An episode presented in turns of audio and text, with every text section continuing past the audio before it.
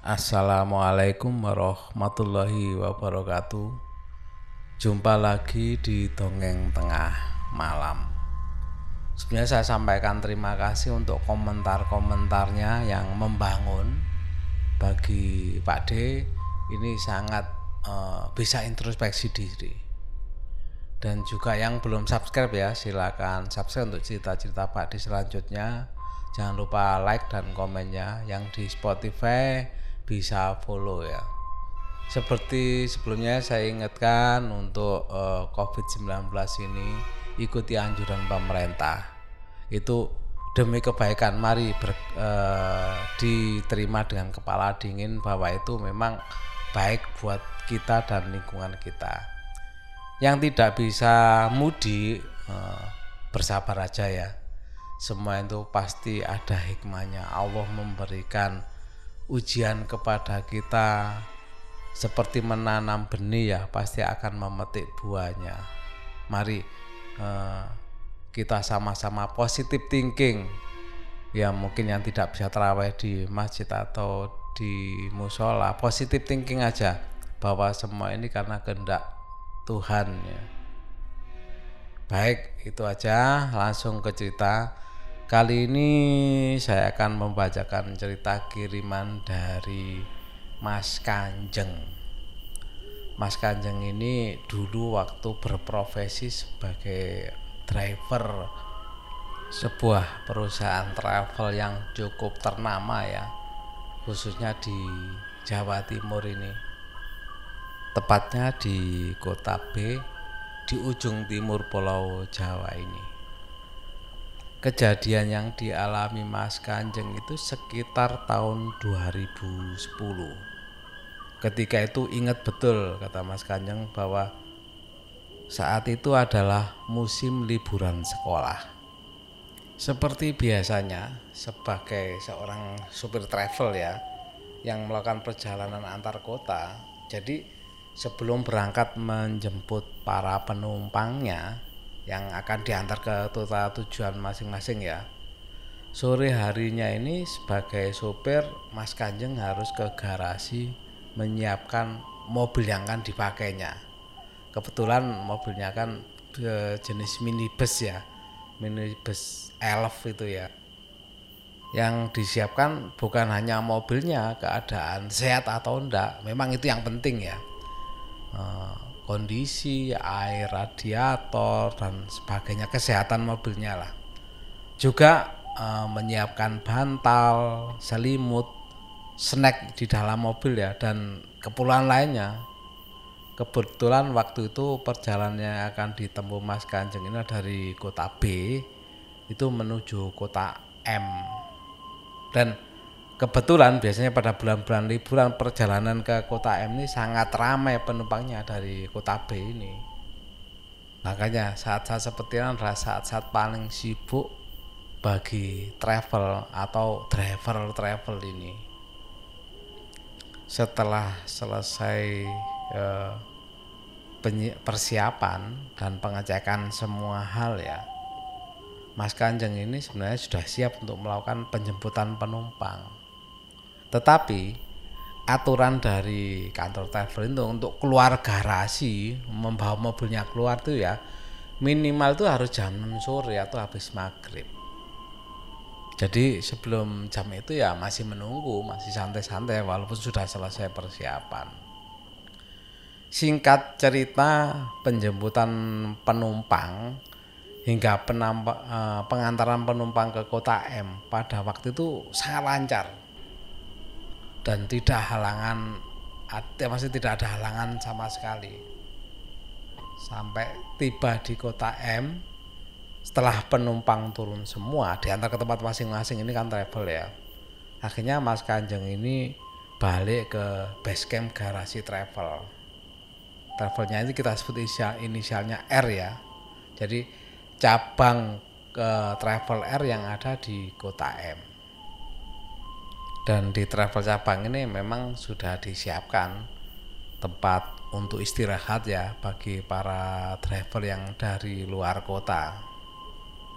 Biasanya eh, kalau dari kota B ke kota M ini masuk garasi itu lebih kurang ya sekitar subuh lah atau sekitar hampir jam 4 begitu sampai masuk garasi ya eh, Mas Kanjengnya ya langsung istirahat tidur karena memang kantor kan bukanya agak siang ya jadi untuk setoran pembayaran tiket penumpang yang saya bawa semalam ya nunggu kantor buka untuk disetorkan. Tetapi nggak tahu eh, katanya Mas Kanjeng hari itu kok lain nggak seperti biasanya ya. Karena pagi-pagi sekitar jam 7 pagi Mas Kanjeng ini dibangun oleh kru kantor dan dikabari bahwa pada hari itu Mas Kanjeng harus tolak ke kota B. Maksudnya itu balik lagi ke kota B malam itu juga. Karena biasanya tidak seperti itu. Biasanya itu ada waktu lebih kurang dua hari ya untuk balik ke kota B atau lusanya itu. Itu maksud biasanya istrinya perpal. Tapi malam itu karena ada kekurangan uh, apa armada di kota B, makanya Mas Kanjeng ini persiapan nanti malam harus balik ke kota B. Akhirnya karena karena harus mendadak malamnya balik ya Mas Kanjeng dibiarkan disuruh istirahat aja dulu. Takutnya kan kecapean ya. Akhirnya sama orang disuruh tidur aja, istirahat, persiapan nanti malam supaya badannya fit ya untuk kembali lagi ke kota B. Karena seperti saya diceritakan di depan tadi ya bahwa kalau musim liburan anak sekolah ini memang penumpang dari kota B ke kota M ini oh, melonjak tinggi sekali. Makanya karena membludaknya permintaan itu. Akhirnya ya ya itu akhirnya nggak ngikuti jadwal harus istirahat dua hari malam terus balik ke kota B Malam pun tiba dan Mas Kanjeng harus bersiap-siap membawa kendaraannya untuk balik ke kota B. Dan malam itu ada dua mobil dari kota M yang harus melakukan perjalanan ke, ke kota B yaitu Mas Kanjeng dan temannya. Sebut saja namanya Warno. Mas Kanjeng tetap membawa mobil elf yang dibawa waktu dari kota B itu ya. Sedangkan Mas Warno ini membawa mobil L300 istilah L sape ya dalam istilah driver travel ya. Penumpang dari kota M ke kota B waktu itu memang gak banyak.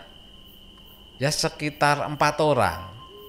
Jadi karena penumpangnya sedikit akhirnya si Warno ini yang disuruh berangkat dulu untuk menjemput para penumpang yang ada di kota M ini sedangkan Mas Kanjeng ini tidak boleh berangkat dulu karena harus menunggu telepon dari si Warno ini sampai eh, dia itu selesai menjemput penumpang dan keluar kota M ini. Karena itu eh, untuk berjaga-jaga barangkali ada telepon penumpang dadakan dan Mas Kanjeng ini diharapkan bisa membackup barangkali kalau kendaraan Mas Warno ini bermasalah. Akhirnya sekitar jam 10 malam Mas Warno ini telepon bahwa dia sudah keluar dari kota M. Jadi selanjutnya Mas Kanjeng diperbolehkan melakukan perjalanan ke kota B dengan kondisi mobil tidak ada penumpang alias kosong. Jadi bisa dibayangkan ya, mobil elf ini kan berisi 12 kursi. Bisa digambarkan begini bangku samping sopir satu belakang sopir itu ada empat kursi belakangnya lagi ada tiga dan yang paling belakang lagi itu ada empat dengan susunan satu pintu sopir kanan tiga pintu sebelah kiri. Jadi walaupun Mas Kanjeng ini menunggu sampai jam 10 malam tetap saja tidak ada penumpang dadakan. Ya apa boleh buat? Mau nggak mau ya dalam kondisi kosong ini harus tetap jalan menuju ke kota B. Dalam perjalanan Warno mengabarkan bahwa dia ke kota B lewat jalur selatan. Maksudnya jalur selatan itu ya eh, lewat jalur dari Pasuruan Probolinggo itu ke kanan itu arah eh, Jember. Jadi arah Jember Genteng dan selanjutnya ke Kota B.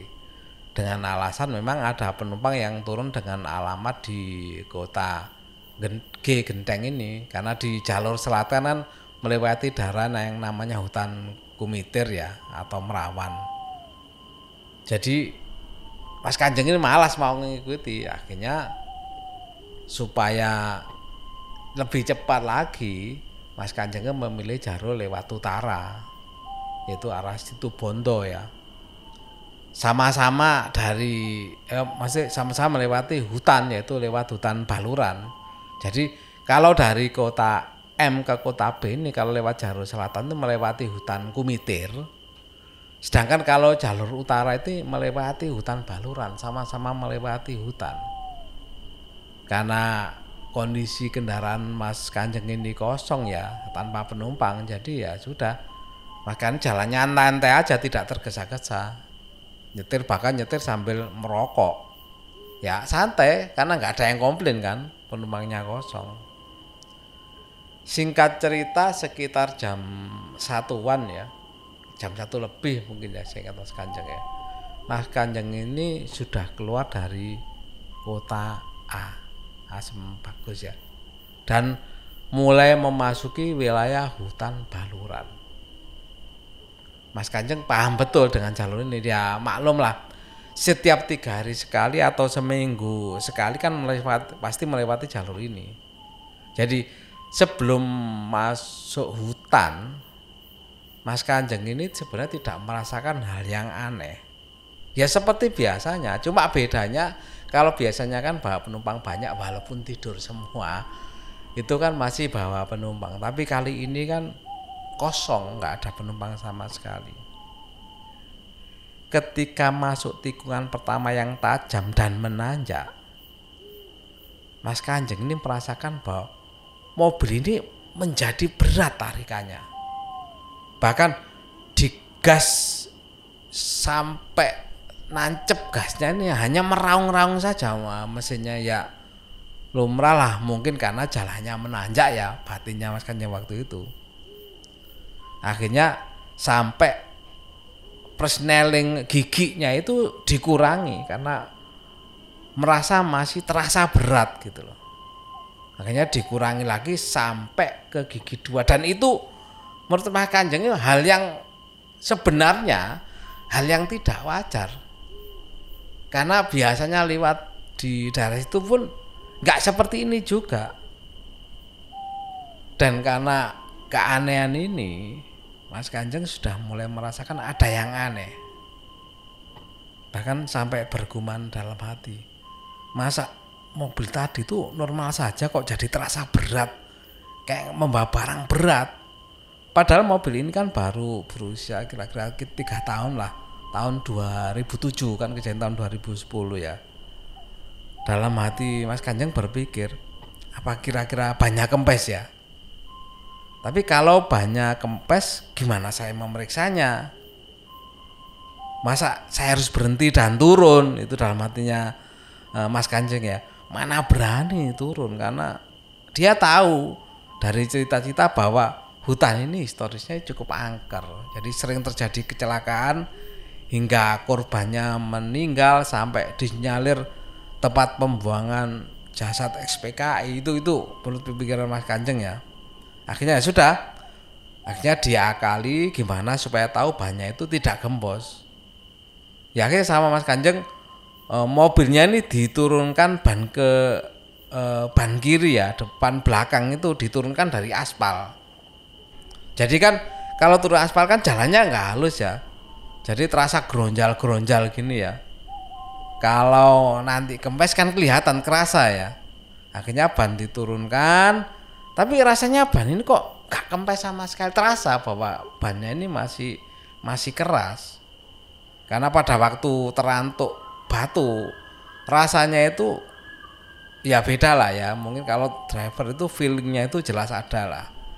Jadi ngerasa bannya ini nggak nggak kempes. Ya sudah. Karena merasa nggak kempes Mas Kanjeng ini mikir apa kampas kopinya habis ya? Mana mungkin karena habis kok tanpa tanda-tanda tanda-tanda gitu. Biasanya kan ada tanda-tandanya kalau kompas kopling e, mau habis itu feel dari driver juga ya. Karena kebiasaan membawa mobil itu juga. Karena kalau memang habis pasti sebelum masuk arah hutan ini tanda tanya ini sudah terasa harusnya.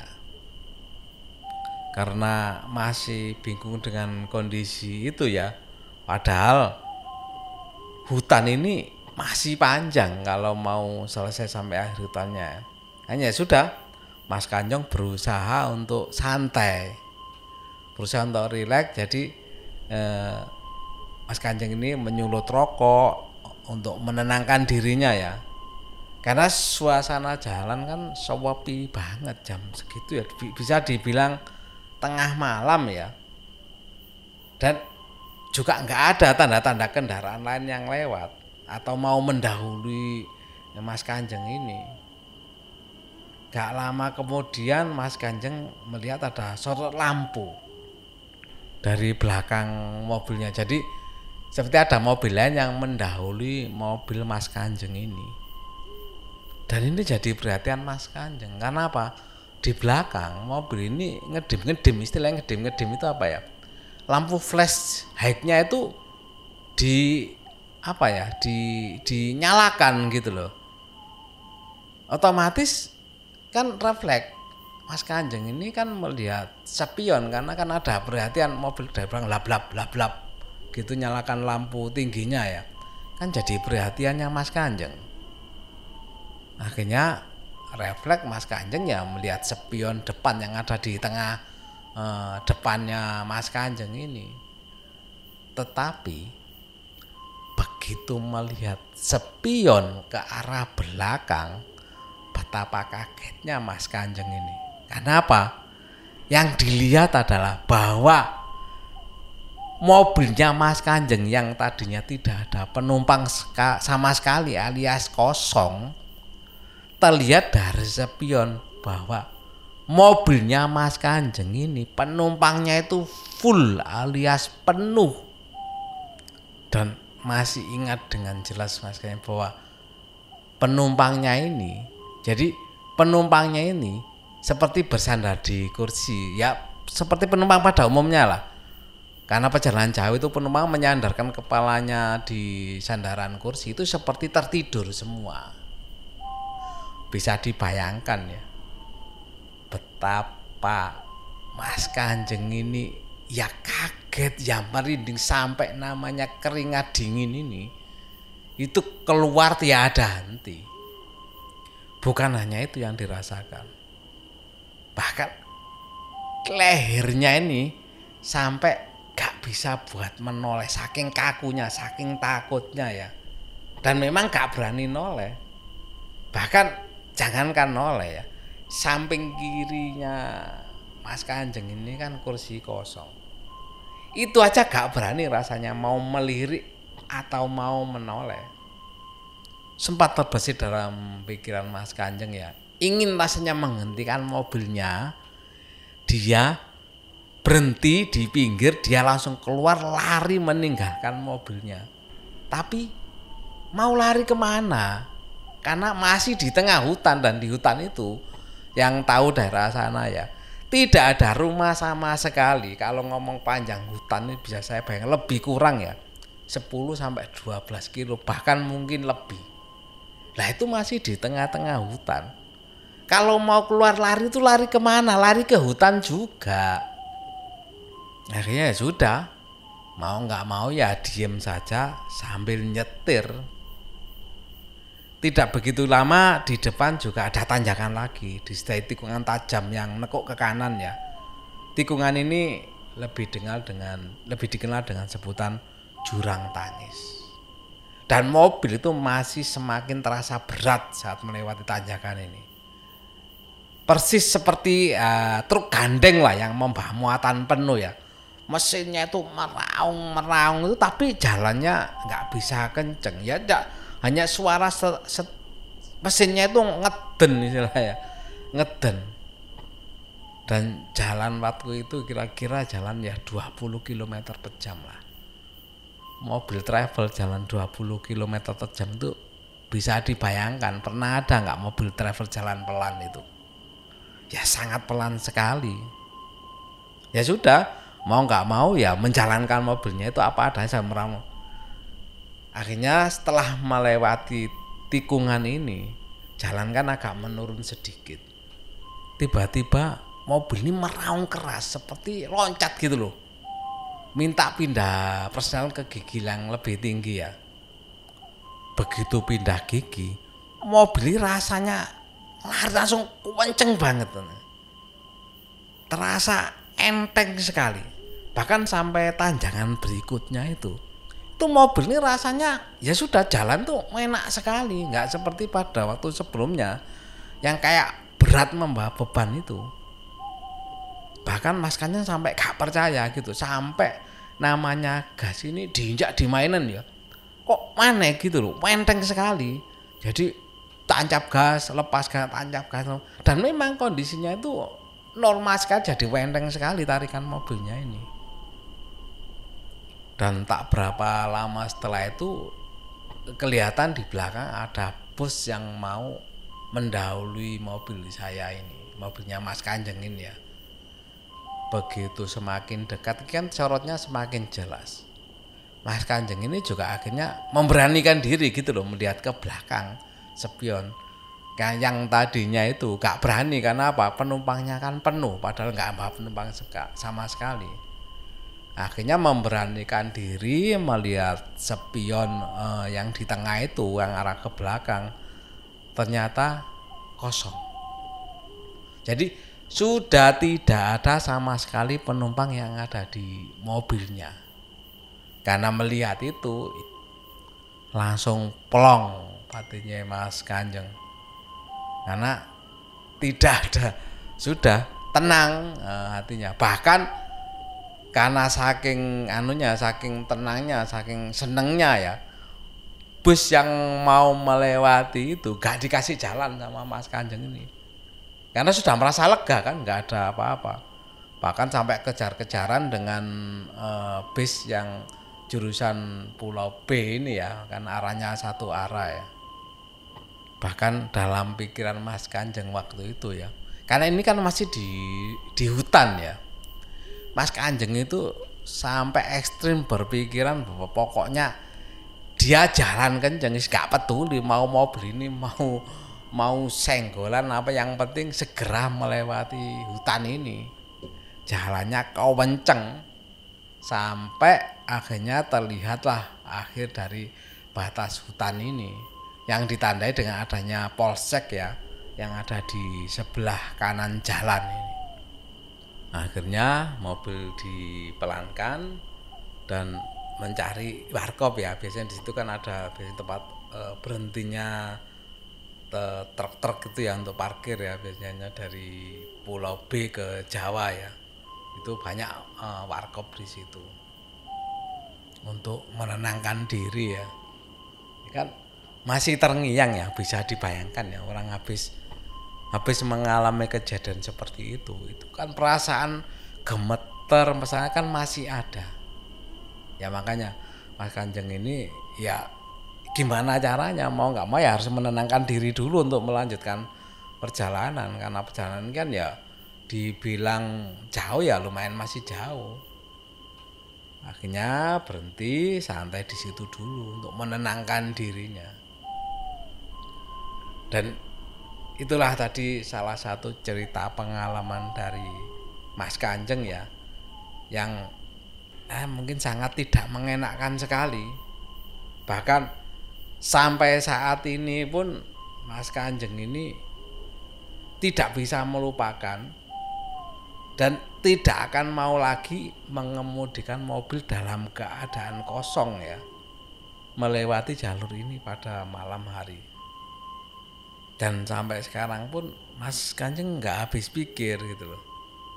Dari mana asalnya atau apa penyebabnya sehingga bisa dijahili sama makhluk-makhluk seperti seperti itu. Bahkan mungkin ya ini hantu-hantu gentayangan yang dulu mobilnya pernah kecelakaan di kawasan kawasan itu ya walau alam ya jadi untuk saran dari Mas Kanjeng ya bagi siapa saja khususnya pengemudi atau traveler yang dari luar kota Surabaya, Bandung, Jakarta atau mana saja yang melewati jalur ini mau ke Pulau Bali disarankan jangan berjalan ugal-ugalan lah dan persiapkan stamina yang fit supaya tidak tidak terjadi hal-hal yang tidak diinginkan. Karena mengingat jalur ini rawan sekali. Entah kontur jalannya, alamnya atau hal-hal yang di luar nara, nalar kita semua. Itu tadi kiriman cerita dari Mas Kanjeng ya. Mudah-mudahan bisa dijadikan pengalaman bagi yang sering lewat sana. Kan tidak tahu ya di sana itu ada kejadian apa saja. Bahkan saya pernah dengar saya pernah dengar cerita ini saya nggak nggak menerima cerita lengkapnya makanya saya nggak mau mengungkapkan dulu saya masih gali cerita barangkali ada pendengar dongeng tengah malam yang tahu cerita ini bisa dikirimkan ke dongeng tengah malam ya. Ini saya dengar cerita bahwa ada sebuah bis pariwisata. Itu karena kecapean atau apa ini mbak penumpang banyak loh ya. Itu kecapean atau apa istirahat di maksudnya istirahat di jalan karena ngantuk dan sebagainya. Begitu bangun ternyata bisnya itu sudah ada di tengah hutan. Tidak tahu lewatnya dari mana, tiba-tiba ada di tengah hutan.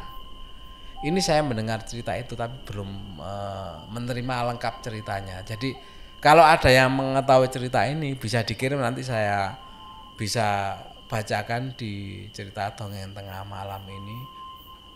Oh iya, dan cerita ini mungkin yang pernah dengar di podcast bagi horor ya. Saya pernah menceritakan ini.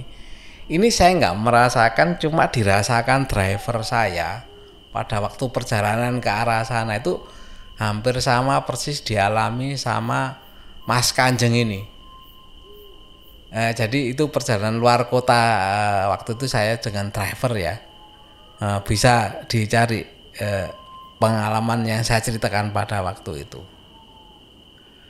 Demikian yang bisa saya sampaikan. Mudah-mudahan pendengar dongeng tengah malam bisa terhibur dan saya akhiri.